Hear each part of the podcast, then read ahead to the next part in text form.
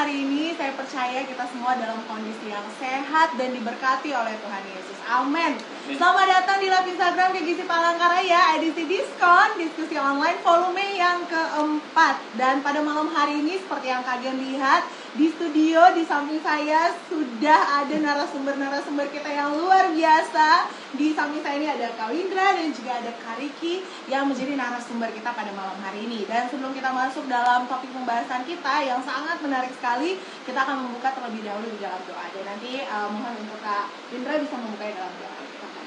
Mari kita bersama-sama bersatu dalam doa. Bapak kami bertata di dalam kerajaan surga yang kami telah panggil dalam nama anak Yesus Kristus. Bapak terima kasih Tuhan untuk hari ini Tuhan. Kami bisa berkumpul di tempat ini Tuhan. E, di tengah e, cuaca yang hujan juga di kota Palangkaraya Tuhan. Tapi kami bisa tetap berkumpul Tuhan. Kami tetap bersuka cita dalam keadaan sehat dan kuat Tuhan. Dan kami berdoa Tuhan untuk acara diskon pada hari ini Tuhan. Engkau memberkati dari awal pertengahan hingga berakhirnya Tuhan. Di dalam nama Tuhan Yesus Kristus kami berdoa dan mengucap syukur. Haleluya. Amin. Amin. Dan sekarang karena kondisinya sedang hujan ya, jadi nanti kalau teman-teman mendengar suara-suara hujan, berarti ya memang kota Palangkaraya sekarang lagi hujan ya, jadi mohon dimaklumi. Nah, malam hari ini di diskon volume yang keempat kita membawa satu topik yang luar biasa sekali, cocok buat kita semua, kalian semua yang ada di rumah. Yaitu topiknya yang kita bahas adalah choosing between job and passion bersama dengan kedua narasumber kita yang luar biasa yaitu Kariki dan juga Kawindra. Dan narasumber kita, Hai Kak, selamat malam, Shalom. Apa kabarnya nih Kak? Luar biasa. Luar biasa ya Kak. Ya. Dan kalau boleh tahu nih Kak, eh, kesibukannya Kak Windra dan juga Kariki sekarang ini apa nih Kak? Siapa dulu? Ricky? Uh, Kak Windra dulu. Oke. Okay. Kalau saya sekarang sibuk ngurusin anak-anak. Iya, anak-anak Anak-anak di sekolah. Di sekolah. Bukan anak-anak sendiri, anak Iya. sekolah. Oke, Nah, Kak Riki gimana Kak? ya masih eh, sibuk ngerjain ya kuliner lah. Kuliner bisnis ya, Kak, bisnisnya, ya. Uh, dan di kondisi pandemi saat ini tetap produktif nih Iya. dalam pekerjaannya masing-masing. Wow, luar biasa banget ya Kak ini ya. Nah, narasumber kita ini uh, Kak Riki yang kita kenal sebagai pengusaha kuliner yang luar biasa uh, di usahanya, uh, pengusaha yang sukses dan di tengah kesibukannya Kak Riki juga setia melayani Tuhan nih, guys. Dan uh, Kak Riki sekarang dipercayakan menjadi ketua KGC Palangkaraya yang teman-teman tahu semua ya. Dan juga Kak Windra eh, ini sarjana kimia murni ternyata ya Kak ya. Dan sekarang menjadi kepala sekolah di SD Golden Christian School Palangkaraya. Dan di tengah kesibukannya juga Kak Windra melayani Tuhan yang Tuhan percayakan di Roket Palangkaraya untuk melayani Tuhan. Jadi kedua narasumber kita ini adalah orang-orang yang luar biasa dipakai oleh Tuhan. Dan malam hari ini kita akan membahas nih Kak topik tentang eh, choosing between job and passion Nah, di mana eh, topik malam hari ini itu buat anak-anak muda yang memasuki dunia kerja setelah lulus kuliah biasanya punya idealisme tentang pekerjaan yang mereka mau nanti eh, setelah lulus kuliah dan pekerjaan yang didapatkan ini tidak selalu sesuai dengan passion mereka atau bahkan ada yang kerja nggak sesuai dengan jurusan nih kak. Namun realita eh, tidak sedikit yang akhirnya bekerja di bidang yang tidak sesuai dan ekspektasinya akhirnya melakukan pekerjaan itu dengan tidak penuh semangat, dengan tidak penuh passion gitu. Jadi malam hari ini melalui topik ini kita akan belajar bagaimana seharusnya respon kita sebagai anak-anak eh, anak-anak Tuhan, apakah pekerjaan bisa dipisahkan dari yang namanya passion Haruskah kita memilih antara pekerjaan dan passion kita? Dan bisakah passion muncul dalam pekerjaan yang sebelumnya kita tidak idam-idamkan sama sekali? Jadi malam hari ini kita akan membahas ini ya Kak ya Melalui kedua narasumber kita yang luar biasa Dan buat kalian semua yang ada di rumah jangan lupa Yang mau bertanya buat Kak Windra dan juga buat Kak Riki bisa untuk kirim pertanyaannya di kolom komentar di bawah. Jadi teman-teman gak usah malu-malu langsung aja tulis dari sekarang pertanyaannya ya untuk topik kita malam hari ini. Oke, eh, Kak Riki dan juga Kak Windra bagaimana Kak? Kita langsung masuk aja ke diskusi kita. Iya, Iya. Karena teman-teman di rumah juga pasti udah gak sabar ya kak pengen bertanya eh, dengan Kak Riki dan juga Kak Windra. Oke, eh, pertanyaan pertama ini untuk Kak Riki terlebih dahulu. Oke. untuk Kak Riki terlebih dahulu. Eh, dulu waktu masih sekolah nih kak, pernah nggak eh, Kak Riki membayangkan nggak bakal jadi eh, membayangkan mau jadi apa saat dewasa nanti atau bekerja di bidang apa? Saat. Oke, waktu sekolah dulu ya. Iya, waktu Ya, itu. jadi waktu sekolah dulu eh, punya mimpi sih. Mimpinya tuh pengen jadi yang namanya surveyor. Nah, surveyor itu adalah orang yang pertama kali eh, pertama kali turun ke lapangan dalam pembukaan lahan gitu kan Hmm. atau eh, dalam pembukaan gedung baru itu dia yang survei duluan dia yang ukur duluan gitu kan jadi ya punya cita-cita seperti itulah dulu kan karena kalau dilihat wah, keren juga gitu kan. Ada juga eh, kebetulan keluarga kakak juga gitu kan banyak yang jadi surveyor gitu kan Hmm. dan melanjutkan. Kayak gitulah. Jadi punya mimpi dulu jadi surveyor. Orang yang pertama kali eh, turun dalam lapangan dalam lapangan pekerjaan khususnya di bidang eh, survei pemetaan jalan juga gedung gitu sih Wah, itu cita-cita saat sekolah ya gitu anak sekolah dulu Wow, oke ini eh, langsung nih sama pertanyaannya buat Kak Windra juga apa sih Kak dulu cita-citanya? Oke, kalau boleh jujur ya, Iya. ya kalau boleh jujur sebenarnya saya eh, saya sudah lupa sih sebenarnya cerita saya. Cuma waktu lulus SMA memang tidak ada terlintas sedikit pun mau jadi guru. Iya. Jadi di tahun-tahun saya lulus SMA itu ya anak guru ya image-nya mungkin sampai sekarang ya masih eh, bukan suatu pilihan profesi utama gitu. Ya seperti itu. Jadi kalau ditanya cita-citanya apa udah lupa Ya, intinya lu nggak mau jadi guru sih awalnya. Iya. Gitu aja Belum punya bayangan belum jadi punya guru ya iya, ya? belum punya bayangan jadi guru. Iya, Eh, mungkin mungkin dulu pengen jadi dokter, mungkin Iya, kan kak. kayaknya Kan? dokter juga Oh enggak juga. Berat ya. berat. Iya, dan eh, ini buat Kak Riki dan juga buat Kak Windra nih. Nanti mungkin bisa Kak Windra duluan yang menjawabnya. Eh, hal apa yang paling membuat Kak Windra bersemangat nih kak saat mengerjakannya? Atau setelah mengerjakannya membuat Kak Windra semacam berpikir bahwa this is what I live for. Oke, eh, mungkin sebelumnya sebelum saya jawab, mungkin saya mau sampaikan, eh, saya tidak lebih mungkin dari yang menyaksikan ya. Eh, mungkin di sini yang menyaksikannya banyak, saya nggak tahu siapa aja yang mungkin lebih banyak pengalaman. Cuma ini saya cerita dari pengalaman saya juga. Tadi saya bilang saya eh, bukan orang yang mau jadi guru, tapi ternyata ya saya dibawa sampai sekarang itu ya akhirnya saya jadi guru gitu. Nah jadi saya menjawab pertanyaannya JJ dulu tadi gitu. Bagaimana saya bisa bersemangat dalam mengerjakan? Jadi sebenarnya ada tiga motiva- motivasi kita dalam bekerja itu sebenarnya ada tiga ini yang saya pernah dapat ya. Yang pertama itu motivasinya itu need kebutuhan. Yang kedua itu adalah eh, karir ya atau pengakuan diri. Yang ketiga adalah calling atau panggilan. Nah, jadi level dari motivasi bekerja inilah yang mempengaruhi sebenarnya passion atau semangat. Nah, kalau saya sendiri, eh, kalau saya mau cerita, ya cukup panjang sih background Iya. ceritanya kalau sama anak-anak roket atau beberapa kali saya sharing itu saya beberapa kali cerita sih. Kenapa sampai akhirnya saya menjadi seorang guru jadi seorang pengajar? Karena satu hal eh, saya rasa saya lagi berproses atau belajar pada level ketiga ini tuh calling yaitu panggilan gitu. Panggilan saya. Jadi saya jadi bersemangat apa pun yang terjadi kondisi apa pun eh, ya karena itu adalah panggilan hidup saya tujuan hidup saya saya adalah seorang pengajar maka saya jadi bersemangat gitu. Apa pun kondisinya kadang-kadang bisa kita eh, bad mood ataupun misalnya kalau cuan ya Iya. itu nggak untung misalnya nggak untung atau apa kita tetap mengerjakan bagian kita dengan semangat.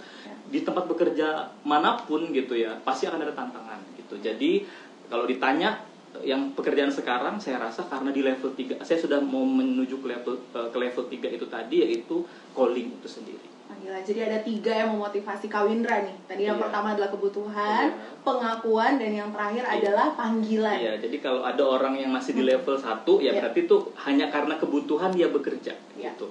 Terkadang di sini yang membuat eh, orang akhirnya banyak mengeluh Hmm, dalam iya. bekerja karena dia cuma untuk memenuhi kebutuhannya aja Iya. gitu. Nah, itu. Wow, luar biasa ya Kak Gen ya. Sudah siapkan catatannya. Saya udah mendapatkan sesuatu nih ya. Dan eh, ini langsung pertanyaannya nih buat Kak Riki juga. Eh, hal apa sih Kak yang membuat Kak Riki ska- eh, bersemangat saat mengerjakannya atau setelah mengerjakannya membuat Kak Riki semacam ber- eh, berpikir this is what I ini eh, mungkin nih jawab yang pertanyaan yang sebelumnya ya jadi kan eh, kalau dulu eh, aku punya mimpi gitu kan jadi surveyor gitu sebenarnya sih yang bikin semangat tuh yang pertama tuh mimpi gitu kan. Punya mimpi pengen sukses gitu kan pengen jadi surveyor gitu kan. Karena aku habiskan waktuku di sana gitu kan awalnya gitu kan. Nanti mungkin ke depannya aku akan cerita kenapa aku akan beralih profesi gitu kan. Nah, kemudian aku punya mimpi gitu kan mimpi ini yang menggerakkan aku. Nah, aku merasa mimpi itu akan jadi kenyataan ketika waktu kelulusan eh, sekolah itu, itu kami itu ada program dipilih gitu kan, lul- eh, tiga lulusan terbaik akan dapat beasiswa ke luar negeri untuk melanjutkan gitu. Wah, tiga besar nih kan gitu kan. Ya udah kan, udah lakuin sebisa mungkin gitu kan. Dan akhirnya masuk tiga besar. Nah, masuk tiga besar tapi ternyata yang dipilih cuma satu. Oh, nah waktu itu waktu dites gitu kan dites dari tiga besar ini kan dipilih sa- eh, jadi satu gitu kan. Waduh berdoa nih supaya wow Tuhan nih mimpiku banget gitu kan. Tapi kan ya akhirnya dipilih cuma satu dan itu bukan saya gitu kan teman saya dan ya mungkin nih satu eh, kegagalan mungkin gitu kan di awal gitu. Dan mungkin ini bukan eh, keberuntungan saya di sini gitu kan tapi ya udahlah gitu kan. Akhirnya eh, jalanin aja yang ada sekarang gitu. Nah jadi awalnya tuh punya mimpi sih punya mimpi yang besar. Mimpi yang besar itu yang membuat kita semangat gitu. Nah mungkin nanti ke depan kenapa bisa beralih dari surveyor itu tadi ke bidang yang sekarang ditekuni Iya. mungkin pertanyaan saya Oke, wah gak sabar nih mendengar penjelasan dari Iya. Ya, ceritanya bagaimana. Nah ini dua hal yang saya dapat ya Kak Gen ya. Kita harus punya motivasi di dalam diri dan juga mimpi tadi kejar mimpi sampai ke ujung dunia. Oh katanya terlalu hiperbola ya. ya eh, dan eh, ini buat Kariki dan juga buat Kak Windra pertanyaannya ceritain dong Kak eh, pekerjaan yang sekarang yang akhirnya nih dipilih awalnya karena terpaksa kah atau memang sesuai dengan keinginan dari diri sendiri? Mungkin bisa Kariki duluan yang menjawab. Oke, jadi dulu dulu itu eh, jadi aku tuh orangnya tipenya mandiri lah gitu. Maksudnya apa ya? Kalau ada sesuatu tuh harus eh, punya uang gitu. Misalkan ya zaman dulu lah gitu kan kita anak-anak muda gitu kan mungkin ya mungkin jadi contoh lah mungkin pacaran gitu kan Iya. harus punya uang gitu kan. Jangan kita minta dari orang tua gitu. Nah aku jadi dari sekolah dulu aku tuh udah punya kebiasaan tuh harus punya uang dulu gitu kan. Jadi akhirnya aku kerja lah. Kerja tuh ikut kakakku kerja di toko ponsel dulu. Nah, salah satu pon, eh, toko ponsel eh, terkenal lah dulu mungkin di Palangkaraya gitu kan. Sampai sekarang juga masih ada. Kerja sambil sekolah gitu kan pulang sekolah kerja gitu kan. Sudah akhirnya eh, dapat tuh uang ditabung ditabung. Kemudian eh, lanjut eh, lihat lagi nih tren baru. Nah aku tuh paling suka kalau misalkan eh, kalau anak-anak KGC terutama eh, apa pemimpin-pemimpin kalau diajak karudi itu keluar gitu. Iya. aku paling suka tuh. Kenapa? Aku berasa belajar sesuatu yang baru. Hmm. nah aku pasti tanamkan dalam diriku wah studi banding nih kalau keluar. Nah kalau aku ingat banget di tahun 2015 tuh kan eh, lagi tren-trennya pomade tuh. Nah aku juga jualan tuh yang namanya minyak rambut yang dulu lagi ngetren di 2015 dan mungkin ya bisa dibilang eh, yang lagi viral lah saat itu. Dan cuman satu-satunya yang pertama dulu di Palangkaraya aku yang jual gitu. Wow. di tahun 2015 dan nggak nyangka gitu kan dari yang hasilnya kecil bisa berkali kali lipat. Bahkan di saat itu juga aku ada kerjasama sama salah satu eh, salah satu pokoknya yang pegang kosmetik di Jakarta gitu kan untuk buka produk sendiri. Jadi orang tuh sampai bingung gimana bisa gitu kan maksudnya. Terus yang mereka bingung kok bisa dari Palangkaraya kirim keluar gitu kan. Nah akhirnya berkembang lah gitu kan eh, pesaing-pesaing yang ibaratnya ya kompetitor yang sudah lama kan dan Hmm. punya nama yang lebih besar gitu. Iya. ya sebutlah beberapa produk gitu kan. Dan akhirnya aku melihat kayaknya nggak bisa deh di sini lagi gitu. Apa sih eh, sesuatu yang nggak bisa mati gitu. Setelah dibanding lagi nih berangkat lagi. Pokoknya tiap tahun kalau ada Karudi bilang eh anak-anak KGC kumpulkan uang berangkat. Nah itu udah paling suka tuh. Kenapa? Iya. karena aku bilang wah ini studi banding akhirnya sana oh lihat ternyata ada bisnis yang namanya kuliner gitu. Kan akhirnya terjunlah ke bidang kuliner awalnya. Dari situ kenapa bisa berpindah? Dan juga aku merasa hmm, prospeknya bagus gitu kan. Dan ini juga dibutuhkan oleh banyak orang gitu. Jadi sampai sekarang apa pun yang ditekuni dalam bidang kuliner saya kerjakan gitu. Dan juga aku merasa eh, apa ya kayak panggilan juga sih sebenarnya gitu kan. Setiap pembelajaran dalam kehidupan kita kan pasti ada eh, trial dan errornya gitu kan. Jadi yang mana yang kayak aku lihat ini jadi peluang gitu dan bisa menghasilkan buat aku ya kenapa nggak dicoba gitu kan gitu aja sih Jadi berani mencoba ya kak. Iya. Dan yang pasti eh, saat Kariki menjalankannya juga ada kesenangan, ada kebahagiaan dan yang tadi nggak terpaksa. Iya. Betul. Karena memang datang dari dalam diri sendiri. Nah, Iya. buat teman-teman kalian bisa ya dicatat itu luar biasa bisa menjadi Kariki yang seperti sekarang butuh proses ya. ya Kak? tapi nggak semua orang sih J maksudnya Iya. punya panggilan yang sama kayak Hmm. aku gitu kan banyak orang-orang juga bilang eh, apa ya gitu kan mau dong jadi kayak Steve Jobs misalkan kayak gitu kan dia kan terkenal banget tuh sebagai eh, bapak dari passion gitu kan tapi kita nggak bisa samakan kehidupan kita dan orang lain Iya. gitu. kita punya jalan-jalan eh, jalan kehidupan yang berbeda gitu Hmm. jadi kembali lagi eh, kita harus nah Tuhan kan ciptain kita kreatif kan gitu Iya. nah jadi kita tuh percaya bahwa Tuhan tuh yang kreatif pasti kita dikasih hikmat oleh Tuhan Amin. harus memilih jalan yang mana Ya. karena yang paling penting sih ketika kita memilih jalan itu kita bisa tanggung jawab nggak dengan pilihan kita. Nah jangan sampai ketika kita memilih jalan ini kita jadi nggak bisa tanggung jawab sama kehidupan Hmm. kita gitu dengan Ya. pilihan yang sudah kita pilih gitu. Pilih, ya. Itu sih jadi kalau di pertanyaan tadi kan ter- eh, kalau memilih sekarang tuh terpaksa atau memang panggilan, Panggilan, ya. itu karena panggilan sih kalau Wow, menurutku ya. memang eh, panggilannya di situ kali ya. udah Gitu jalan Tuhan iya, di situ ya uh. kak ya wow gimana kak Gen udah dapat banyak dari kak Riki sudah dicatat. Jangan lupa ya untuk eh, catat juga pertanyaan teman-teman dan bisa kirim di kolom komentar. Dan langsung aja nih eh, Kak Windra akan menjawab nih kak pertanyaan yang sama. Ceritain dong kak pekerjaan yang sekarang yang akhirnya dipilih. Awalnya ini karena terpaksa kah atau memang sesuai dengan keinginan dari diri sendiri? Silakan kak Ya, seperti tadi cerita di awal ditanya cita-cita, memang saya awalnya tidak ingin menjadi seorang pengajar atau guru. Jadi ini juga saya sering saksikan sih. Jadi saya waktu SMA beberapa tempat saya daftar itu nggak ada yang tentang eh, kalau gelar itu SPD gitu ya, Iya. sarjana pendidikan tidak ada. Jadi sempat di PDN, sempat sampai Pantohir gitu, sempat juga di Petra itu jurusannya bukan itu. Eh, Terus sempat juga eh, di total di perusahaan total itu nggak ke guru sama sekali. Nah, sampai pada akhirnya eh, saya sempat eh, menunggu waktu kuliah dan saya waktu itu jurusan pendidikan matematika setahun. Nah di situlah saya mulai menyadari sebenarnya bahwa saya adalah seorang pengajar. Jadi waktu itu tetangga saya itu banyak juga orang-orang pinter sebenarnya. Saya biasa-biasa aja sih. Jadi teman-teman saya ini eh, pinter kalau di sekolah gitu. Nah ada satu bapak-bapak. Jadi bapak-bapak ini eh, sudah berumur tapi dia belum eh, PNS gitu. Jadi dia perlu sekolah lagi untuk dia bisa mendapatkan PNS-nya gitu. Tapi dia sudah berada di kantor. Jadi dia tuh tinggal harus pendidikan untuk dia mendapatkan gelar dan dia bisa dapat PNS gitu. Jadi akhirnya dia tanya ke tetang ada waktu itu saya ingat saya ada dua orang dia tanya si A ditanya anaknya pinter tapi dia nggak ngerti gitu. Terus si anak B lagi sekarang jadi polisi gitu kan memang dia bukan di situ tuh ditanya nggak ngerti juga gitu tibalah di rumah saya terus ditanya-tanya saya kan dengan kemampuan seadanya ya saya jelaskan karena saya suka menjelaskan ini nih kayak gini loh kayak gini gini. Sampai akhirnya dia tuh berulang-ulang selalu ke rumah dan bertanya.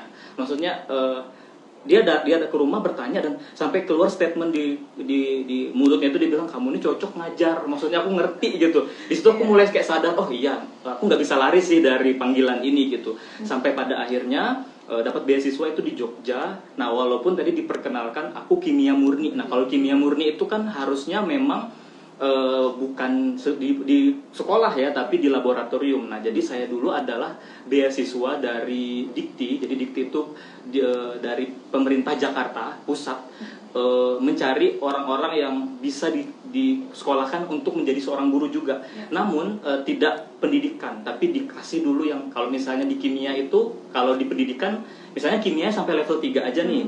Nah, saya dikasih sampai level 4 istilahnya kayak eh, peneliti ahli dulu di bidang kimia itu baru nanti setahun setengahnya dapat profesi gurunya. Jadi namanya PPG kalau sekarang guru-guru cuma dapat dua bulan untuk PPG itu. Nah kalau saya satu tahun setengah untuk bisa mendapatkan eh, apa namanya profesional. Jadi guru profesional. Jadi saya sudah dapat sertifikat eh, profesi pendidikan guru profesional untuk bidang kimia.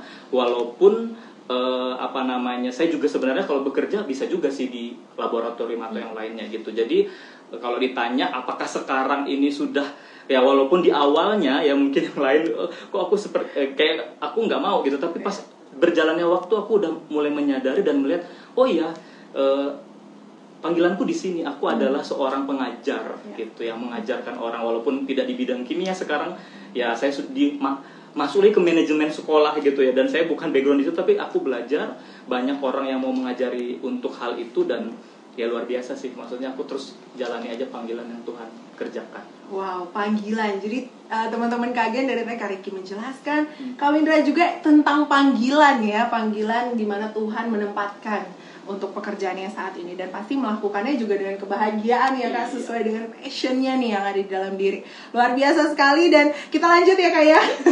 Lanjut. Eh, ini pertanyaan selanjutnya untuk Kak Windra nih. Eh, menurut kakak apakah pekerjaan bisa nih kak dipisahkan dari yang namanya passion? Terus haruskah kita memilih antara pekerjaan dan passion kita? Silakan kak. Oke, kalau menjawab bisa tidak dipisahkan. Harusnya eh, itu tidak dipisahkan. Karena passion itu kan hasrat atau semangat ya. Ng- Nggak mungkin kita bisa bekerja dengan tidak ada passion di situ. Nah, jadi eh, mungkin di sini sahabat kagen ya, kagen ya sebutannya ya. Iya. Kadang-kadang sahabat Siap. kagen ya, siap gitu. Kingdom generation oh ya. Ya, jadi mungkin sekarang ada yang bekerja dan merasa, aduh aku nggak semangat di. Nah, cek lagi nih motivasi kerjamu di level mana. Kalau misalnya motivasimu e, bekerja itu masih di level need, ya berarti kamu terus cari kehendak Tuhan e, untuk kamu dapatkan. Walaupun sekarang kamu tetap jalankan saja dulu e, profesimu sekarang, tapi jangan juga langsung ah nggak bekerja. Akhirnya kan kebutuhannya tidak terpenuhi. Nah, jadi kalau menurut saya eh, dan passion itu sebenarnya dari Tuhan, minta ke Tuhan. Kadang-kadang kayak saya tadi kan saya bilang saya eh, saya tidak merasa bahwa ini adalah cita-cita saya, Ya. tapi akhirnya ketika saya sadari bahwa itu adalah calling atau panggilan yang Tuhan berikan, akhirnya passion itu muncul. Jadi tidak ada lagi rasa capek. Masalah datang ya dihadapi terus gitu. Jadi balik lagi ya kak ya, eh, jangan memisahkan passion dan pekerjaan karena Iya. pekerjaan kita tuh butuh passion. Iya, gitu. benar. Jadi lakukan semua dan kalau memang sudah panggilannya Tuhan, nggak bisa lari memang ya kak ya. Iya, benar, di situ lari. bidang iya di situ Seperti bidang. Yunus. Nah betul. Lari tetap aja Tetap balik ujung-ujungnya balik lagi. ke situ. Iya, betul sekali. Dan eh, buat teman-teman nih kak, teman-teman kagen yang ada di rumah yang merasa sedang bekerja di tempat yang tidak diidam-idamkan dari dulu, Eh, bisa nggak nih kak, mereka passion juga, bersemangat dan bergairah, eh, dan itu dimunculkan gitu Hmm. dalam pekerjaan mereka. Tentunya bisa. Tadi aku ada sempat foto, tapi ini eh, ke kejaji aja. Ini di ruanganku tak tempel ini, saya tempel Ah, ini. ah. Jadi ini pakai bahasa Inggris sih. Jadi eh, di Kolose 3 ayat 23 itu lakukanlah segala sesuatu itu bukan untuk manusia tapi Tapi untuk Tuhan. Nah Ya. itu salah satu catatan dari saya mulai bekerja di Golden Christian School atau di mana pun sebelumnya. Saya nggak pernah mau cari yang tadi istilahnya oh biar orang lihat atau seperti apa. Jadi tujuan utamanya kita mengerjakan baik itu bekerja ataupun sekarang pelayanan saya di Rocket itu ya semata-mata saya lakukan semata-mata untuk Tuhan. Walaupun siapa pun yang nggak lihat, atasan saya nggak lihat, siapa pun ya kita itu yang membuat kita akhirnya eh, apa namanya bersemangat sih karena untuk Tuhan. Karena Tuhan tuh nggak pernah mengecewakan kalau kita Amin. ekspektasinya untuk atasan atau untuk dapat promosi tadi maksudnya menit promosi kalau kebutuhan segala macam. Kadang-kadang kan yang kita dapatkan itu tidak sesuai ya ekspektasi kita. A kita nggak dapatkan itu. Terus aku pengen gaji 10 juta eh dapatnya cuma 2 juta misalnya. Jadi akhirnya jadi kayak ngedrop gitu jadi nggak semangat gitu. Terus eh, aku pengennya naik pangkat aku mau dapat jabatan ini. Eh, namanya kita itu kan ekspektasinya ternyata malah nggak dikasih. Akhirnya eh, kita jadi eh, down gitu istilahnya. Semangatnya itu turun. Nah, tapi kalau untuk Tuhan kalau semata-mata kita lakukan hanya untuk kemuliaan bagi nama Tuhan itu nggak akan unconditional lah tidak akan dipengaruhi oleh kondisi apa pun Iya. Ya, itu sih Jadi meskipun di tempat teman-teman kagen rumah mungkin merasa ya nggak bekerja, ini bukan passion aku nih kak Iya. bekerja di sini. Tapi kalau kita melakukan ini semua untuk Tuhan, kita pasti bisa untuk bisa menjalankannya karena semuanya Iya. kita kembalikan untuk Tuhan. Jadi teman-teman eh, nggak usah khawatir ya kita punya Tuhan Yesus yang luar biasa. Tetap andalkan Tuhan dan Tuhan juga pasti akan memberikan kita kemampuan ya kak. Dan kalau udah sampai di posisi yang calling tadi, kita kan mengerti tuh kita dipanggilnya ke arah mana, di bidang mana tempat kita bekerja. Oke dan eh, ayat Kolose 3 ayat 23 tadi itu luar biasa, teman-teman bisa catat. Dan ini pertanyaannya selanjutnya buat Kariki nih kak. Ya, buat eh, buat Kariki, apabila seseorang sudah bekerja dengan passion nih kak, apakah masih ada masa-masa menanyakan ke diri sendiri, inikah yang mau terus aku kerjakan bertahun-tahun bahkan sampai puluhan tahun ke depan? Oke, mungkin di sini eh, kita nggak apa-apa ya berbeda ya kalau. Indra atau eh, mungkin ini nggak pernah dibahas sama orang-orang di luar sana atau atau teman-teman di rumah bisa pernah dengar ini. Tapi eh, passion itu ada dark side-nya loh. Maksudnya kita akan ya mungkin teman-teman ini juga tergantung gitu kan dari yang ditangkap dan juga mungkin yang teman-teman lakukan gitu kan nah hati-hati juga dengan yang namanya passion gitu kan kadang-kadang ketika kita fokus terhadap passion kita jadi nggak terbuka dengan hal-hal yang di luar sana gitu nah mungkin setiap orang kan idealnya pasti pengen punya pekerjaan yang sesuai passionnya. Dan kalau teman-teman seperti itu kan uh, kalau teman-teman sekarang yang ada di rumah sudah bekerja gitu kan sudah bekerja sesuai passion dan passionnya itu bisa menghasilkan. Ya syukurlah gitu kan. Iya. tetapi ada yang uh, kerja tapi nggak sesuai passion tapi dia dapat sesuatu ya syukur juga karena dia realistis kan gitu kan. Nah jadi uh, jangan sampai kita juga mengejar yang namanya passion kita tapi kita lupa gitu loh. Maksudnya di luar sana tuh ada hal yang uh, belum pernah kita coba. Pasti uh, anak-anak sekarang kan milenial atau orang-orang yang generasi 90 pasti bilang kalau mungkin ada teman-teman kita ya yang pernah kayak gini ya kalau ditanya kenapa kamu nggak kerja ini? Ah ini bukan passionku. Dari mana kamu tahu itu bukan passionmu? Kalau kamu belum coba. Nah kayak gitu kan. Nah makanya sering kali eh, motivator-motivator di luar sana kejarlah passionmu. Kita bukan Steve Jobs kita bukan orang-orang yang kayak Jack Ma dan lain-lain. Mereka punya eh, apa maksudnya? Mereka punya jalan kehidupan masing-masing. Mungkin kalau orang lihat oh Steve Jobs luar biasa. Iya. sampai Apple terkenal. Lihat dulu latar belakangnya. Iya. Steve Jobs itu bukan programmer. Hmm. kalau kita baca di dalam eh, filosofi kehidupannya eh, di dalam Apple itu Steve Jobs itu bukan programmer dia itu eh, apa dibantu dengan eh, partnernya yang, namanya Steve Wozniak. Nah, kalau teman-teman baca gitu kan. Nah, jadi hati-hati juga dengan yang namanya passion karena eh, ada riset juga sih, aku pernah baca dari Stanford bilang 80% orang yang mengikuti passionnya itu eh, kemungkinan mereka bisa gagal di tengah jalan. Kenapa? Karena dia merasa, wah ini pekerjaan ini peluang ini ditawarkan tapi ini nggak sesuai passionku gitu kan. Hmm. Nah ada dua contoh gini kan, aku pernah ketemu sama temanku ya anggaplah teman gitu kan dia punya passion banget tuh di musik gitu kan pokoknya dari SD aku kenal tuh passionnya musik banget gitu kan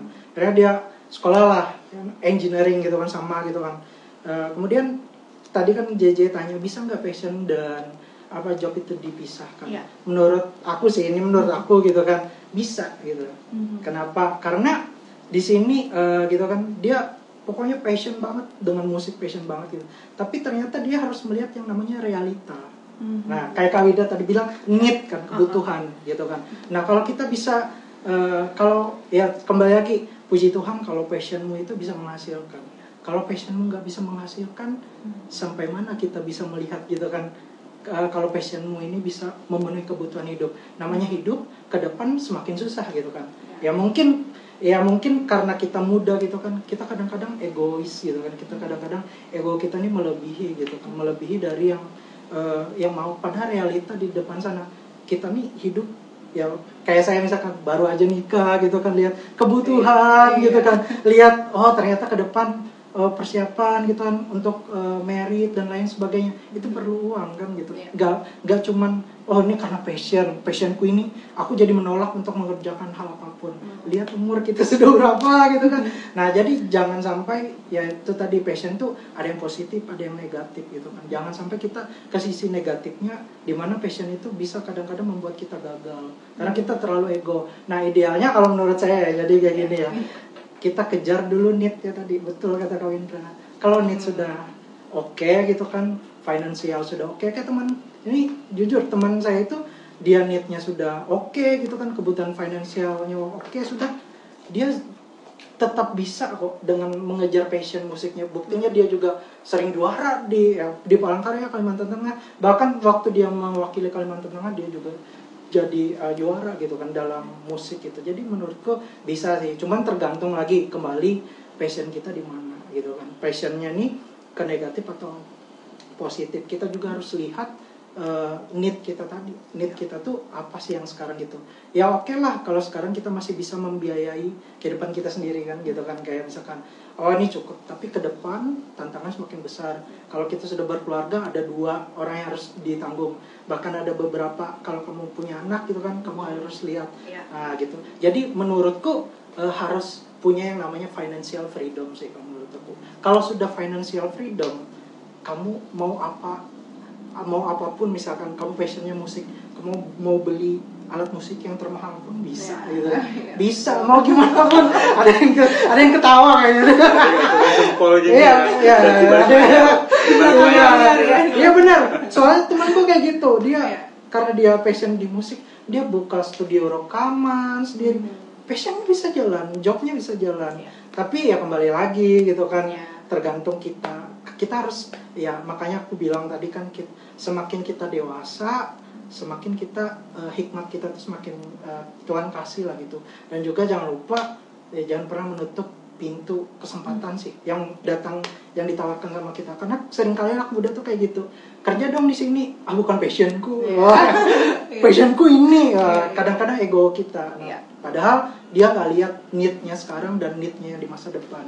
Makanya orang-orang bilang kan keputusanmu saat ini akan menentukan uh, keberhasilanmu di masa depan. Jadi ya harus punya hikmat sih sama minta Tuhan buka jalan yang mana sih gitu. Jadi passion tuh menurutku ya bisa dikerjakan secara terpisah gitu. Iya. dan tergantung sisi positif dan negatifnya. Itu sih sisi dark side-nya dari passion yang mungkin teman-teman pernah dengar atau enggak tapi ini sebagai informasi sih. Jadi apa pun yang dipilih nggak ada yang salah gitu Iya. yang penting semua itu sesuai dengan eh, tanggung jawab kita yang punya kehidupan gitu sih kalau aku. Jadi eh, passion dan pekerjaan bisa loh kita sama-sama melakukannya bareng-bareng ya kak ya. Nah yang ketiga tadi tuh eh, kebutuhan, terus masuk ke penghargaan ya kak ya. Karir, Eh, dan ah, ya betul. Dan yang terakhir itu adalah panggilan. Jadi Ya. teman-teman bisa mulai dulu nih dari step paling bawah dulu, baru nanti sampai ke yang terakhir dari yang pe- eh, panggilannya dan minta Tuhan untuk tuntun. Itu nanti menentukan ke depannya kehidupan kita seperti apa. Wow, sangat luar biasa sekali Kak Riki. Ya. Gimana teman-teman Gagen? Sudah dapat banyak hal, saya udah dapat banyak hal ini. Ah, Bejana saya udah hampir hampir penuh. Nah, teman-teman Gagen gimana? Ya? Iya, udah udah mau meluap-luap nih Kak. Teman-teman Gagen gimana kalau uh, teman-teman punya pertanyaan tentang hal ini? Menurut saya pasti teman-teman punya pertanyaan gitu ya. Mau uh, tanya ke Kak Riki atau ke Kak, uh, Kak Windra bisa banget langsung aja tulis pertanyaannya di kolom komentar. Jangan malu-malu jangan jaim ya. Nggak usah. Ini kakak-kakak kita yang ada di sini jadi mari kita tanya ya buat mereka. Apa aja boleh kepo-kepo boleh silakan. Nah uh, ini pertanyaan buat Kak Riki dan juga Kak Windra ini ya. Uh, nanti uh, Kak Windra bisa menjawabnya terlebih dahulu. Menurut kakak sejauh mana nih kak pengenalan kita akan Tuhan itu mempengaruhi etos kerja kita Iya, Eh, pasti pastinya itu sangat mempengaruhi. Eh, tadi saya punya sisi yang berbeda dari jawaban Ricky, kami jadi kayak saling melengkapi ya. Iya. Jadi Oh, istilahnya sisi yang dari Ricky ditanggapi dari saya saya juga Iya. gitu ya mengenai passion dan eh, Pekerjaan. pekerjaan. karena mungkin setiap orang punya sudut pandang tentang passion berbeda-beda. Iya. Maksudnya eh, passion itu kayak hobi mungkin dia, dia- dari Ricky tadi ya. Kalau saya sendiri passion itu kayak gairah. Karena passion itu sebenarnya bisa kita bangkitkan, kita bangun. Kayak misalnya kita dengan Tuhan itu kalau kita nggak kita nggak bangun passion kita sama Tuhan, kita akan biasa-biasa aja. Iya. Jadi kayak hubungan atau misalnya tadi kayak Ricky bilang aku pengen nikah ya harus dibangun itu eh, segala sesuatunya. Nah, sama passion tadi, Ricky saya setuju dibilang katanya jangan menolak pekerjaan karena itu bukan passionku, Iya. karena itu bisa dibangun sebenarnya. Tapi Hmm. pada intinya, saya kembali ke pertanyaan tadi adalah kalau kita dekat sama Tuhan, kita pasti kan ketemu tuh panggilan kita. Ya. Iya. Nah, ketika, ketika- ketika kita mengerti panggilan hidup kita dan pekerjaan kita, otomatis itu mempengaruhi etos kerja kita karena oh ini calling aku nih. Jadi kita akan bangun itu kehidupan eh, passion kita itu dan kita akan sangat bergairah sih. Maksudnya bangun pagi pun udah aku pengen Wah, kerjain ini iya, gitu, pengen semangat ya. gitu ya. Kayak saya kan biasanya kalau aku kadang-kadang bisa bangun jam 4 bisa wah bangun oh, mau ngerjain apa nih karena sudah merasa itu sudah bagian pekerjaanku bukan lagi yang istilahnya eh, kerja jam 7 baru bangunnya jam 7 kurang 15 eh, itu kapan mandinya kapan ya kayak gitu kan istilahnya kalau menurut saya sangat itu sangat apa namanya mempengaruhi sih hubungan kita dengan Tuhan itu sendiri Iya, wah, luar biasa. sangat mempengaruhi. Dan langsung aja buat Kak Riki, bisa pertanyaan yang sama menurut kakak nih kak, sejauh mana pengenalan kita akan Tuhan mempengaruhi atas kerja kita? Iya. Oke, jadi eh, sama sih kayak Kak Windra tadi bilang bahwa kita tuh harus dekat dulu sama Tuhan supaya kita tahu panggilan kita gitu kan. Nah mungkin kalau di di dunia aku gitu kan di kuliner gitu kan. Nah aku per- eh, aku cerita nih kalau di kuliner itu mungkin sekarang kan ya puji Tuhan ya punya kedai gitu kan. Nah ini kesaksian juga. Jadi punya kedai gitu kemudian eh, sering kali itu kan kalau orang yang datang gitu kan orang yang datang kemudian ada kelupaan barang segala macam. Nah di situ eh, kulihat kalau orangnya mungkin nggak eh, mengenal Tuhan kesempatan tuh Iya. udah berapa kali kan Iya. kayak gitu kan kayak gitu terus ketinggalan handphonenya bahkan ini aku punya cerita lucu sih aku tuh kan eh, di kedai itu kan beberapa bulan lalu yang sebelum pandemi gitu kan di, di sana bantu-bantu gitu kan. Kemudian ada seseorang yang ketinggalan handphonenya. Kebetulan handphonenya itu sama persis sama kayak punya aku. Terus dia taruh sembarangan gitu kan di dekat meja kerja aku juga di situ kan. Ya udah gitu kan. Aku pulang aku pulang kemudian aku nggak sadar ternyata yang aku bawa tuh handphone orang gitu kan. Nah dari situ waduh nih kan hati kan maksudnya kayak nggak gitu kan. Waduh nih ada bisikan-bisikan wah kesempatan nih bisa diambil gitu kan. Bisa eh, bisa uangnya buat ini ini ini. Tapi kan ya namanya pengenalan akan Tuhan gitu Iya. kan. Itu sangat penting sih mempengaruhi kinerja kerja kita gitu kan. Ya udahlah akhirnya kan balik kembalikan gitu kan. Jangan sampai gara-gara ini orang handphonenya hilang nanti keluarganya gimana gitu segala macam. Iya. dan kita juga itu bukan hak kita juga. Jadi menurutku sangat mempengaruhi sih. Apalagi di dunia pekerjaan ini yang paling penting kejujuran gitu kan. Iya.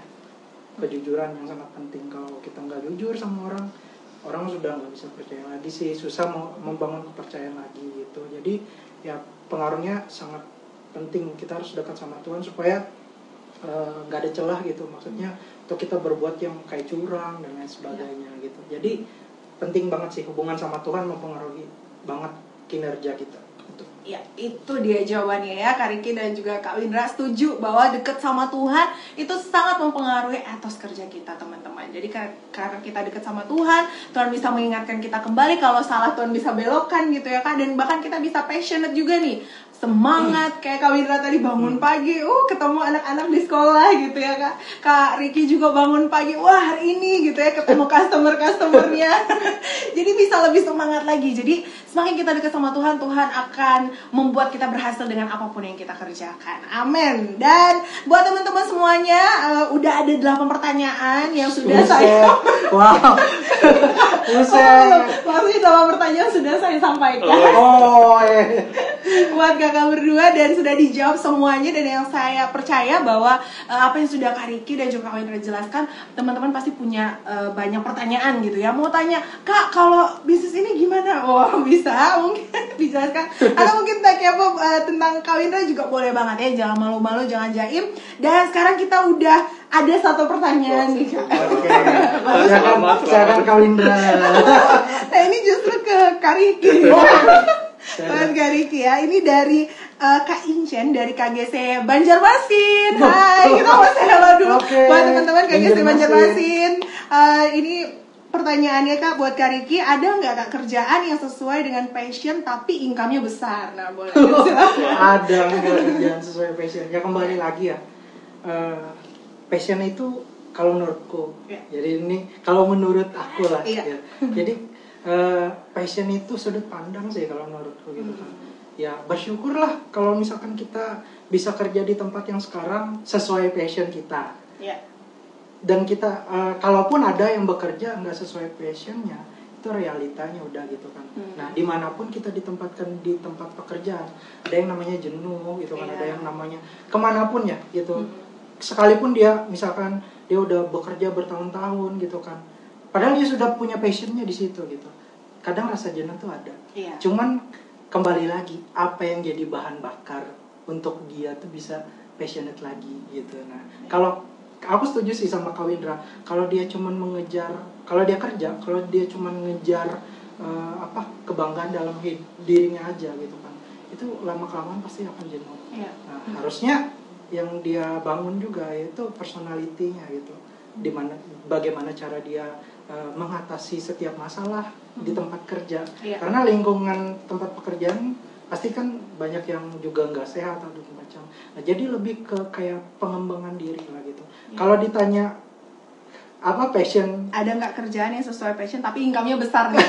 aku nggak bisa jawab itu ada nggak yang pasti ya mungkin ada gitu Iya. kan cuman ya kembali lagi passionnya eh, gak bisa kita paksakan kadang gitu kan Ya. dengan realita yang ada kamu bisa kejar passionnya passionmu ketika ya ka- kayak menurut saya tadi ketika kita sudah punya yang namanya financial freedom gitu kan Hmm.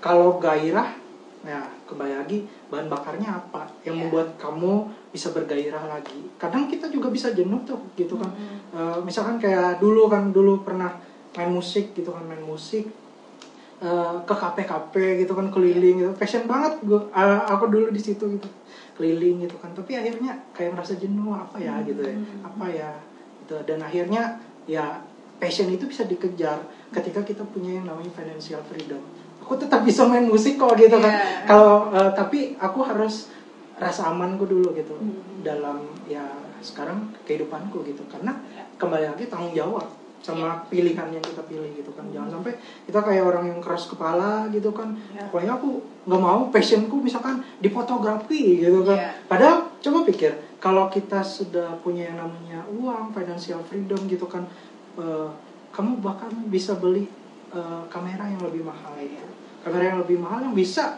menunjang passionmu tadi. Nah gitu. Kalau memang kamu punya gairah di situ kan? Nah kayak gitu. Jadi eh, semua pekerjaan tuh ya kembali lagi sih kayak kalau saya tiga ayat dua tiga lakukanlah semuanya untuk Tuhan gitu. Mungkin kita merasa jenuh tapi kembali lagi bahan bakar kita yang membuat kita semangat tuh apa? Pasti ya dekat dengan Tuhan itu tadi, tadi, gitu. iya. ya jadi sering-sering eh, menyembah Tuhan gitu sering-sering bangun hubungan sama Tuhan bikin eh, bukan cuman ini nih kerjaan ini nih bukan cuman buat aku loh tapi untuk banyak hal gitu karena Tuhan bilang kan eh, kita kerja nih seperti melayani kan Yes, gitu. anggap iya. kita ini seperti melayani gitu jangan Iya. sampai ya kita cuma ngejar kitanya aja gitu Iya. Itu sih kalau menurutku Wow, itu tadi uh, jawaban dari Kak Riki ya untuk Kak Incen dari KGST Banjarmasin. Saya mau say hello dulu buat teman-teman yang baru bergabung atau yang sudah lama bergabung. Hai hai, terima kasih banyak sudah bergabung di live Instagram kita dan uh, saya semoga buat Kak Incen bisa menjawab tadi ya pertanyaan dari uh, pertanyaan dari yang sudah dijawab oleh Kak Riki juga. Semoga diberkati Tuhan dan terima kasih banyak Kak sudah mengirimkan pertanyaan buat kita dan buat teman-teman yang lainnya. Yuk, ayo, ayo dikirimkan pertanyaannya iya. Jadi kayak lagu ya kayak. Ayo dikirimkan pertanyaan di kolom komentar di bawah. Jangan malu-malu. Tanya aja, kepo aja gitu ya. Mumpung kakak-kakak ini ada di depan kita saat ini ya. Oke, dan ini kita udah masuk lagi ke satu pertanyaan dan ini buat Kak Windra Mas. pertanyaannya ya. Uh, buat Kak Windra dan dari Kak Septi nih pertanyaannya. oke Kenapa nggak tanya di rumah? oh ini Iya. sayang Biar- adek nih sayang Uh, adek biar teman-teman kalian juga mendengar Oh, gitu kan. Siap Iya, dan pertanyaannya apakah calling itu selalu dipenuhi dalam pekerjaan atau bisa nggak calling itu dijalankan lewat kegiatan volun- uh, volunteering seperti itu kan? Ya, ini kalau menurut saya juga ya Iya. sama. Jadi eh, kalau menurut saya, eh, kalau saya sendiri sebagai pengalaman pribadi saya, saya eh, panggilan saya ini sinkron pekerjaan saya dan eh, pelayanan saya gitu. Pekerjaan saya kan meng- eh, mengurus anak-anak itu kan jiwa-jiwa juga. Jadi Iya. kalau saya mengajar, biasa saya selipkan juga sih, maksudnya hal-hal Alkitab. Jadi misalnya kayak kalian harus setia dulu dalam perha- perkara kecil loh, kayak misalnya ngerjain PR. Jadi sering kali saya selipkan. Nah di pelayanan saya juga atau istilahnya uh, volunteer-volunteer lain itu saya juga ya nggak ada yang berhubungan sama benda-benda, memang ke manusia gitu. Jadi uh, kalau saya sendiri sinkron gitu ya, calling saya itu sinkron antara pekerjaan saya dan pelayanan saya. Jadi saya tidak merasa ada perbedaan. Nah, kalau dari pertanyaan Kak Septi tadi, apakah bisa? Kalau menurut saya setiap orang itu punya kondisi yang berbeda-beda ya. Iya. Jadi bisa-bisa saja kalau menurut saya. Seperti jawaban Ricky tadi, istilahnya oh dia bangun dulu nih peke- pekerjaannya yang dia rasa itu bukan passionku, tapi dia eh, karena untuk memenuhi eh, ke- kehidupannya, akhirnya dia bekerja eh, sepertinya itu bukan passion padahal itu bisa dibangun sih passionnya semangat Iya. itu dalam Tuhan gitu. Nah tapi di sisi lain dia juga bisa kerjakan hal yang lain. Kita nggak cuma mengerjakan pekerjaan kita ya. Kita bisa masih melayani kita bisa berbagi ke mana saja gitu. Itu sih kalau menurut saya jawabannya. Oke, jadi bisa eh, itu jawaban dari Kak Windra buat Kak Septi dan semoga bisa menjawab ya Kak ya. Jawabannya buat Kak Septi. Terima kasih banyak Kak Septi sudah mengirimkan pertanyaannya. Buat teman-teman kagen lain yuk yuk yuk kirimkan pertanyaan ya. Ya, Jangan malu-malu. Kita masih punya banyak waktu nih untuk bertanya kepada Kak Riki dan juga Kak Windra. Dan sekarang kita udah terima satu pertanyaan lagi. Jangan mau kalah teman-teman yang lain. Ini dari Kak Andrew keren nih Kak. Wow. Host Keren kita banget. ya. Luar keren biasa ini. Pertanyaannya buat Wah ini saya sebutkan ya kak Andrew keren kayak kakak angkatnya Ricky. Oh, Oh, buset. Ya, sudah diresmikan Kakak, ya di di live Di live-nya. di live ini aku baru tahu loh Iya. kakak angkat ya oh ya sudah. Aduh. Jadi kita makan makan Iya, selepas ini ya kak. selapas ini Iya. Dan ini pertanyaannya gimana caranya menyikapi kejenuhan di dalam pekerjaan kita? Padahal kita sudah yakin nih bahwa passion kita itu di situ. Mungkin ada tips buat mengatasi kejenuhan. Nah ini bisa di share nih kakak. Silakan. Tips mengatasi kejenuhan ya. Iya. Cara menyikapinya kak, menyikapi kejenuhan di dalam pekerjaan kita. Padahal kita udah merasa ya kita punya passion di situ. Dan juga tipsnya itu apa kak? Silakan. Jadi eh, kayak bikin goals goals kecil gitu sih kalau menurutku kayak misalkan kayak aku misalkan eh, aku punya goals misalkan minggu ini gitu eh, aku harus punya dapat omset misalkan sekian karena aku di bidang kuliner gitu kan omsetnya sekian. Dan ketika itu tercapai itu menjadi eh, bahan bakar salah satu bahan bakar gitu kan. Salah satu bahan bakar untuk saya bisa semangat lagi gitu kan. Mungkin ini sudah dilakukan gitu kan. Kadang juga gak sesuai target gitu dan sebagainya. Tapi kayak bikin gol-gol kecil dalam kehidupan itu aku rasa itu membuat kita termotivasi untuk bisa melakukan eh, yang kita kerjakan sekarang gitu. Karena menurutku ya kembali lagi kalau ditanya eh, passionnya apa sekarang Kariki gitu kan. Passionku adalah eh, keluarga. Nah, karena apa yang kau kerjakan sekarang eh, yang memang salah satu ya puji Tuhan gitu kan sesuai dengan apa yang aku mau gitu kan passionku di bisnis kuliner dan sebagainya. Tapi eh, kalau ditanya sekarang passionnya apa kali ke keluarga gitu. Karena aku lihat eh, ya kembali lagi aku aku orangnya eh, tipe yang harus aman dulu. Maksudnya financial freedom tuh salah satu yang ku kejar supaya ketika ke depan aku punya tantangan yang eh, lebih besar lagi di mana aku harus eh, mengurusin keluarga dan lain sebagainya aku harus ada rasa aman dulu. Nah gitu. Ya. jadi kalau ditanya passionnya apa Kariki sekarang? Passionku keluarga gitu. Keluarga aku harus aman dulu ke depannya gitu kan. Karena ya kembali lagi kehidupan semakin susah gitu kan. Dan kurasa salah satu cara supaya kita nggak jenuh bikin gol-gol kecil sih. Kalau misalkan kita eh, kita misalkan antar eh, kalau di kuliner ya antar misalkan harus jam segini gitu kan. Sudah ter sudah diantar semuanya sudah selesai. Itu salah satu gol kecil yang bikin semangat juga oh ternyata sudah sampai ini ini segala macam. Jadi gol eh, gol gol kecil itu yang buat kita bisa termotivasi sih untuk semangat lagi karena memang semua pekerjaan pasti ada titik jenuhnya Iya, gitu. betul. karena dilakukan berulang kali berulang kali dan Iya. bahkan orang sering kali terjebak karena dia bosan dia malah resign gitu kan Iya. dia nggak lihat ada ada listrik yang harus dibayar Iya. di situ kan ada tanggungan hidup yang harus di itu jangan sampai ketika kita mengambil keputusan itu malah kita tuh kayak membuat eh, masalah baru gitu Nggak- jadi jangan sampai kita jenuh gitu kan jenuh timbul kita tiba-tiba resign gitu kan kita keluar dari pekerjaan kita yang ah jenuh nih di sini gitu Mhm. kita keluar tanpa kita eh, lupa bahwa ada tanggung jawab kehidupan yang kita tanggung saat ini gitu Iya. jangan sampai kita merugikan orang lain apalagi keluarga kita kan Iya. jangan sampai kita merugikan eh, keluarga kita gitu jadi ya jadi bikin goals kecil dan itu menjadi pemicu semangat kita gitu. Kadang goal itu bisa gak tercapai tapi coba lagi bikin standar baru standar baru standar baru gitu. Kalau aku sih gitu bikin goals kecil Iya, bikin goals kecil supaya memotivasi kita. Jadi ada inovasi-inovasi baru ya Iya. kak. Jadi kita bisa meminimalisir tingkat kejenuhannya gitu, nggak sampai level 10 gitu ya kejenuhannya. Ya eh, itu eh, sudah dijawab tadi oleh Kak Riki buat kayak keren kakak angkatnya Kak Riki nih. Halo Kandri Iya. Dan semoga bisa menjawab dan terima kasih banyak Kak Edo sudah mengirimkan pertanyaannya. Buat uh, kita semua malam ini. Dan ini waktunya nih kak, nggak terasa ya, ternyata sebentar sekali ini waktunya. Padahal teman-teman di rumah pasti udah pengen banyak banget gitu kan tanya. But it's okay kalau teman-teman punya pertanyaan, yang lainnya bisa personal mungkin ya, bisa chat personal buat kakak-kakak kita yang ada di sini.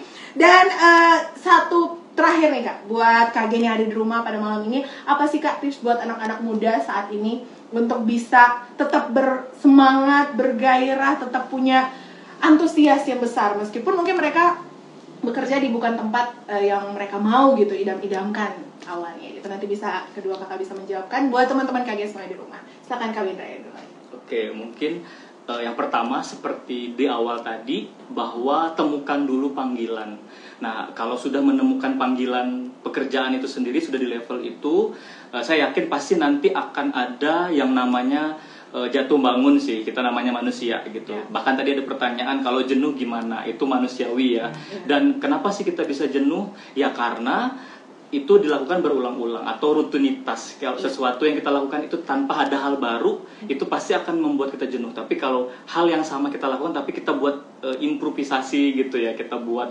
sesuatu yang uh, eh kayak berbeda gitu setiap harinya itu akan salah satu juga membangkitkan passion itu tadi. Jadi uh, kita temukan itu di dalam Tuhan, uh, panggilan kehidupan kita, kemudian uh, nggak cuma sekedar kita udah penemukan kayak hmm. saya juga nggak cuma sekedar saya sudah merasakan ini udah panggilan hidup saya nih sudah habis sudah berakhir tidak tapi saya terus menjalaninya istilahnya setiap harinya saya harus terus bangun uh, passion itu sendiri ya. saya harus terus uh, ketika ada masalah masalah nggak uh, hilang begitu saja pasti setiap hari muncul ada masalah ada hmm. tapi itu yang membuat kita semakin naik semakin tajam semakin uh, apa namanya bahkan itu menjadi membuat kita semakin semangat Semangat. harusnya kita punya punya respon yang benar ya. Yeah. Tantangan itu bukan membuat kita semakin down, tapi kita mengatasi di atas masalah itu naik. Terus ada masalah lagi naik lagi, ada masalah lagi naik lagi gitu. Itu saja sih J. Oh, luar biasa ya teman-teman kagian pesan dari Kak Indra buat teman-teman semua. Silakan Kak Riki pesannya buat anak-anak. Kalau dari aku sih yang pertama harus bertanggung jawab dulu sih sama diri kita sendiri sebelum kita mengejar yang namanya passion tadi jadi kejar uh, jangan kejar passion dulu gitu kan. Padahal kesempatan atau peluang tuh bisa datang kapan aja kan. Tanpa kita tahu sebenarnya itu tuh juga salah satu dari passion kita. Nah, makanya jangan pernah menolak pintu kesempatan sih kalau menurutku. Kalau itu dilihat bisa menghasilkan dan itu bisa memenuhi kebutuhan kita sekarang kenapa nggak kita kerjakan gitu kan? Jangan sampai uh, ego kita yang anak muda ini melebihi gitu kan dari kebutuhan yang realitanya sekarang gitu. Dan ya itu sih bertanggung jawab sama kehidupan kita.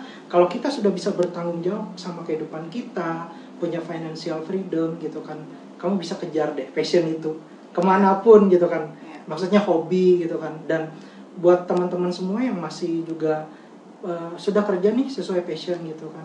Ya di mana pun kita kerja gitu kan pasti ada tantangan gitu kan pasti ada titik jenuh tapi kembali lagi ingat di luar sana juga ada orang-orang yang sedang cari pekerjaan gitu iya.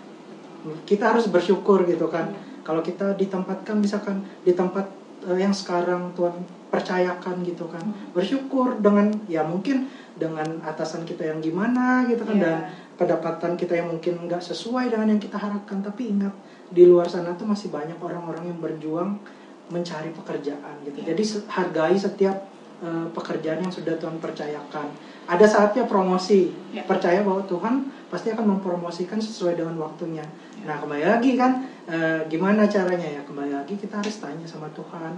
Setiap yang kita lakukan itu sesuai dengan perintah Tuhan dan ya semuanya kita lakukan semata-mata untuk melayani dan hanya untuk kemuliaan nama Tuhan. Amen. Jadi kayak gitu sih. Jadi bertanggung jawab sama diri sendiri dulu baru kejar yang namanya passion. Gitu sih kamu. Wow luar biasa itu dia tadi pesan dari Kariki buat teman-teman kagian di rumah. Luar biasa sekali dan untuk mengakhiri nih kak karena waktu sudah habis buat kita semua. Jadi saya akan menutup dengan membacakan kesimpulan bahwa apa pun yang saat ini ada di tangan kita, dipercayakan untuk kita kerjakan, maka kerjakan semua itu dengan baik seperti dalam Alkitab berkata, apa pun juga yang kamu perbuat, perbuatlah dengan segenap hatimu seperti untuk Tuhan dan bukan untuk manusia. Meskipun mungkin ini bukan ekspektasi kita, bukan sesuatu yang kita harapkan, tetapi Tuhan mempercayakan itu untuk kita. Dan kalau ada Tuhan di dalam kita, maka kita akan bersemangat, antusias dan juga passionate untuk mengerjakannya. Jadi bersyukurlah dengan apa pun yang kamu kerjakan saat ini, maksimalkan dirimu di bidang yang kamu tekuni saat ini, lakukan yang terbaik dan uh, dan juga be passionate. Oke? Okay? Buat setiap apa yang teman-teman kaget lakukan. Dan terima kasih banyak saya mau tahu buat Kak Windra dan juga Kak Riki terima kasih buat menjadi narasumber kita di volume keempat uh, diskon uh, malam hari ini dan terima kasih banyak buat teman-teman yang sudah mengirimkan pertanyaan juga dan untuk menutup diskon kita kami minta dengan hormat Kak Riki untuk menutupnya dalam doa dan juga berdoa buat kita semua Oke, okay, iya. mari kita berdoa.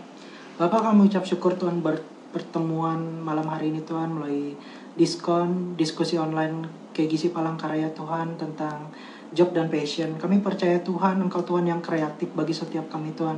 Engkau Tuhan yang punya cara untuk memberikan uh, yang terbaik bagi anak-anakmu Tuhan. Kami percaya Tuhan, uh, Engkau Allah yang kreatif Tuhan. Kami percaya apa pun yang Engkau berikan kepada setiap kami Tuhan, biar kami boleh memaksimalkan setiap potensi yang ada yang Tuhan berikan kepada setiap kami Tuhan.